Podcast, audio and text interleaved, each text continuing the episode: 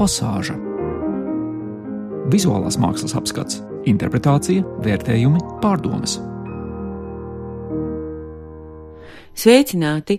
Skan redzējums pasāža, tas ir redzējums par mākslu. Studijās mēs ievēlējas mēri. Šoreiz raidījumā skatīsimies divas izstādes un vienu grāmatu, vai tomēr drīzāk divas grāmatas. Dubultu mākslas stacijā atklāta un vēl divus mēnešus būs Mīķeļa Fišera personāla izstāde Vainavas un noplicinājumi bet gluži jaunā mākslas galerijā Amināri Valdemāra ielā atklāta Juri Jurjāna gleznu retrospekcija. Tā sarīkot sakarā ar tikko izdotu grāmatu par mākslinieku, parunāšu arī ar grāmatas autoru Mariku Rozenbergu. Tātad Miķels Fišers, Vainavas un noplicinājumi, trīs milzīgas gleznas ar pabaisu personāžu apdzīvotu pabaisu vidi, ar pabaisiem notikumiem. Vairāki nedaudz mierīgāki, bet arī tikai nosacīti krāsu zīmuļu zīmējumi, un mazais raudu mūris ar skaņu, jeb precīzāk vaimanām, un vēl filma ar nosaukumu Kondoru kalve. Kā jau ierasts Miķeļa Fišera daļradē, gleznu nosaukumi ir stipri svarīgi.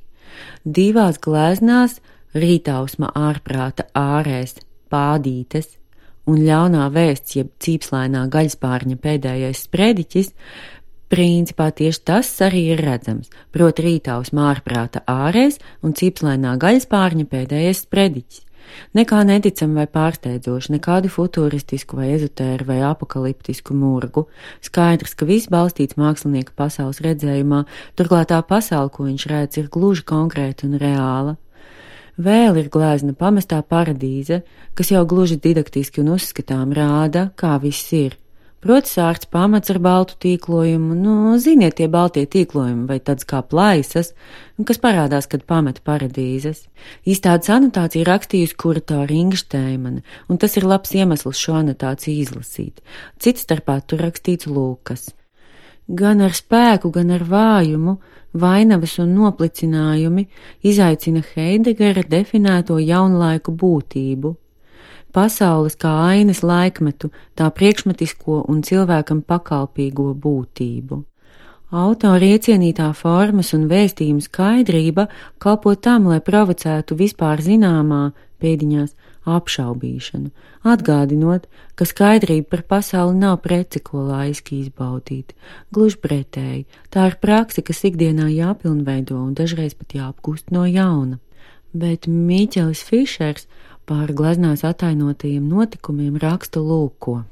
Nu, lūk, pārcentos, haotiski domāja Trīns, vai tiešām tam visam pienācis gals, gan rungainīšu heksagonālajiem tupinājumiem, gan nesen uzbūvētajiem elegantajiem atārpošanas angāriem, gan zivus gaudulīgai klakšķināšanai kārtainajos saurietos, gan viņam pašam, visvarenajam trīnam, labināto pasauļu materializātāram.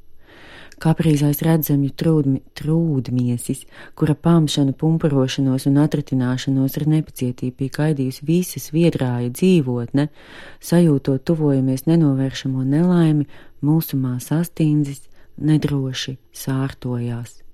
Zivusinu darīja, kā tiem bija vēlēts vecs zivu senajās tabulās.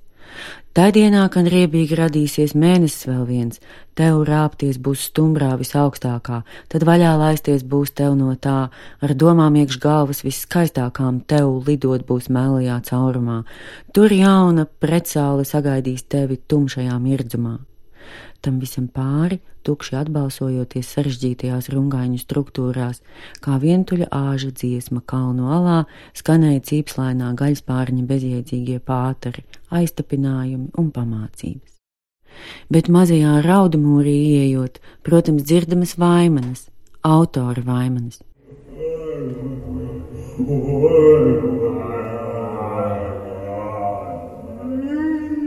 Oh,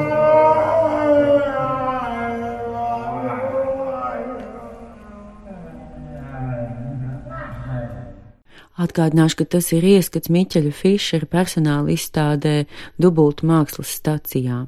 Vēl aizmirst piebilst, ka silti iesaku ieplānot izstādes apmeklējumam stipri daudz laika, jo brīnišķīgā Mārtiņa grauda filma vien ilgs 75 minūtes, nu tad pierēķiniet vēl trīs lielformāta glēzno apskati, raudu mūrīšu apmeklējumu, un uh, vēl jāpārliecinās, vai zīmējumos ir kas attēlots, vai tomēr nav, un ja nav, tad kas tas vispār ir. Filmā, piemēram, ir šāda pilnīgi burvīga epizode. Divi padzīvojuši, nu, visādā ziņā nevairs pirmā svaiguma baltie vīrieši, gremdējas kādā dabiskā ūdenskrātuvē. Kad kamerā beidzot novēršas no viņu, nevar saprast apjukušajām vai trulējām sējas izteiksmēm, kadrs kļūst plašāks, un tajā parādās vēl arī meitenes, bet ko nu tur meitenes? Abi vīrieši ne tikai nesakarā blēņš, bet tādā pat fascinējošā nesakarā peld vai drīzāk plūst, paralēli paralēli kadra apakšējai malai kā krokodīli vai baļķi vai kas nu vēl tā prot.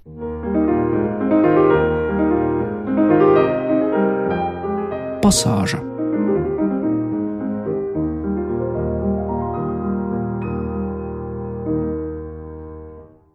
bet otra izstāde, kurai laipni aicina pievērst uzmanību, ir pavisam citāda.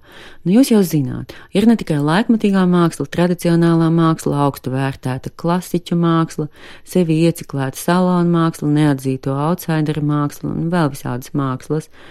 Un šo nošķīrumu robežas lielākoties atkarīgs no tā, kā uz šo mākslu paraugās un kāds domu gājiens vai saruna sanāk, iespaidojoties no tās.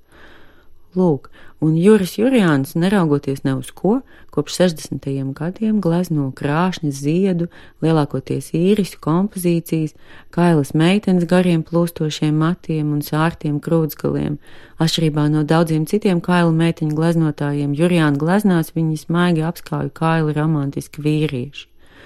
Vēl gleznās ir teiksmaini putni, lielākoties pūces, spārnu vēdas, spalvu pušķi un daudz, daudz dažādu nokrāsu un toņu zelta.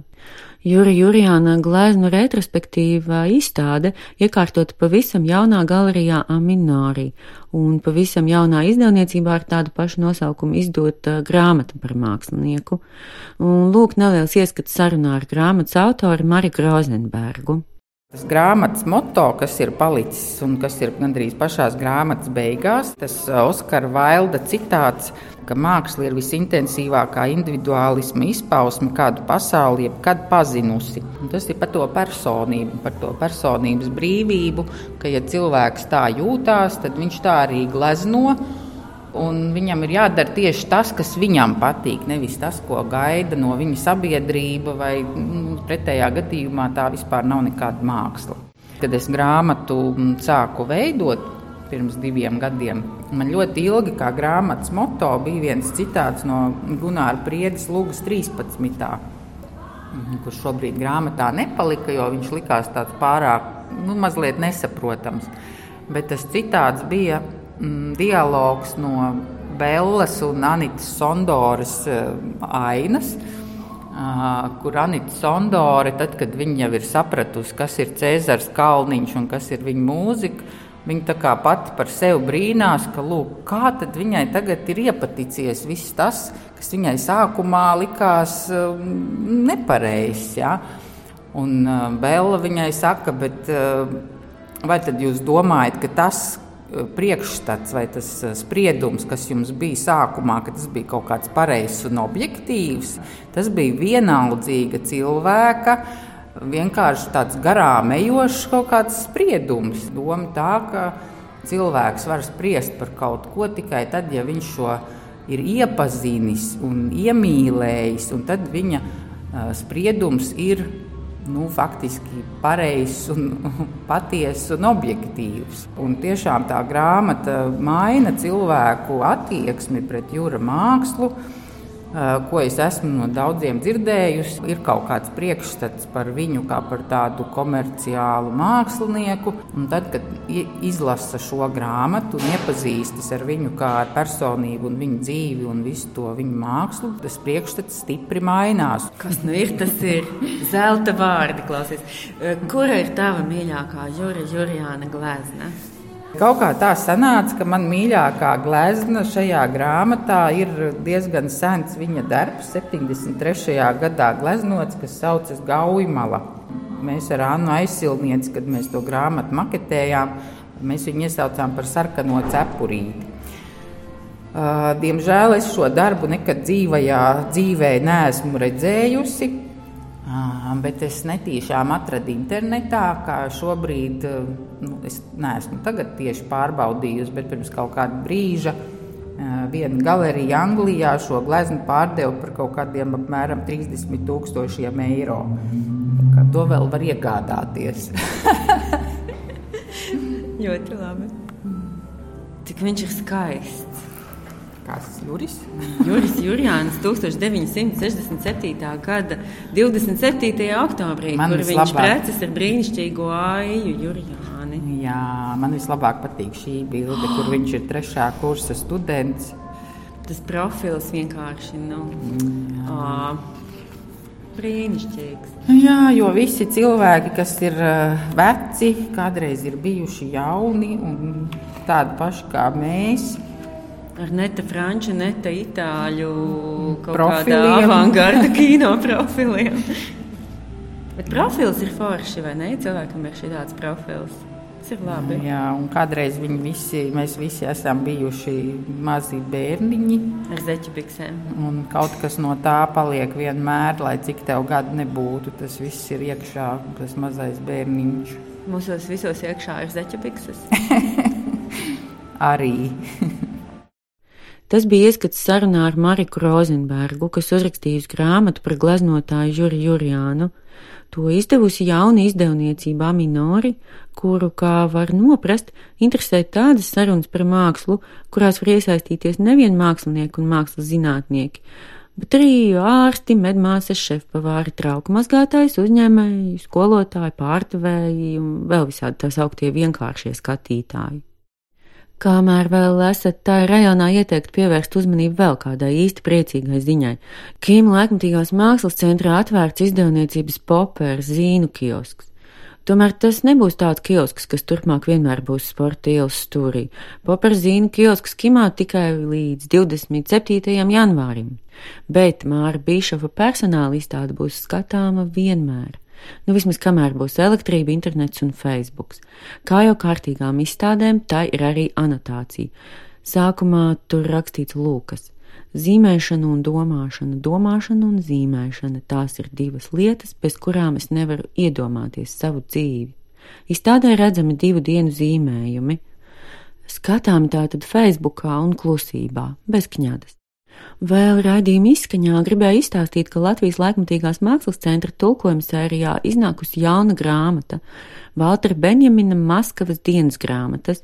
Šādi sakarā sirsnīgi iesaku šo trešdienu, 12. decembrī, doties uz Alberta un Strēlnieku ielas stūri un nosvinēt grāmatas izdošanu kopā ar tulkotāju un komentāru autoru Igoru Šuvājevu un filozofu Jāni Taurenu, kurš esot sagatavojis performanci šim jaukajam vakaram. Jūs zināt, Valtra Benjamina darbi bija un joprojām ir ļoti svarīgi fotografijas un citu vizuālo mēdīju izpratnē un pētniecībā. Šīs Benjamina radošajā mantojumā saudabīgais privātais teksts pirmo reizi izdots tikai 1980. gadā. Kā komentārā raksta tulkotājs, izdošanas iemesls bijis ļoti vienkāršs proti 1979. gadā nomira Asja Lāce. Nu, īsumā grāmata ir par mīlestību un par Maskavu 20. gadu otrajā pusē. Lūk, mazs gabaliņš no Maskavas. Pilsētu nepazīst tas, kas tajā nav ieradies sniegos, jo katru apvidu vajag apceļot tajā gada laikā, kad tā klimats ir pats ekstremālākais. Ziemā Maskavas dzīve ir par dimensiju bagātāka. Telpa mainās burtiski atkarībā no tā, vai ir karsti vai augsti, uz ielas dzīvo kā ledainā spoguļu zālē, jebkur apstāšanās un apiekšana padodas neticami grūti. Pusi dienas jāgatavojas jau tam, lai paskastītē iemestu uzrakstītu vēstuli, un pat par spīti milzīgiem augstumam ieiet kādā veikalā iepirkties ir gribas piepūle. Taču, ja beidzot atrasts lokāls, var pasūtināt, ko vien grib, vodku, ko šeit uzlēj uz zālītēm, kūkas vai tasitējas. Siltums pašu laika tecējumu pārvērš reibinošā dzērienā. Nogurušajā tas ieplūst kā medus. Līdz ar to pasāžas šoreiz izskan. Studijā bija es ievēlējis mēri. Pateicos par atbalstu valsts kultūra kapitāla fondam un paldies jums, ka klausījāties. Visu gaišu! Pasāža Pirmdienu rītos 9.5 ar atkārtojumu sestdienās 18.15.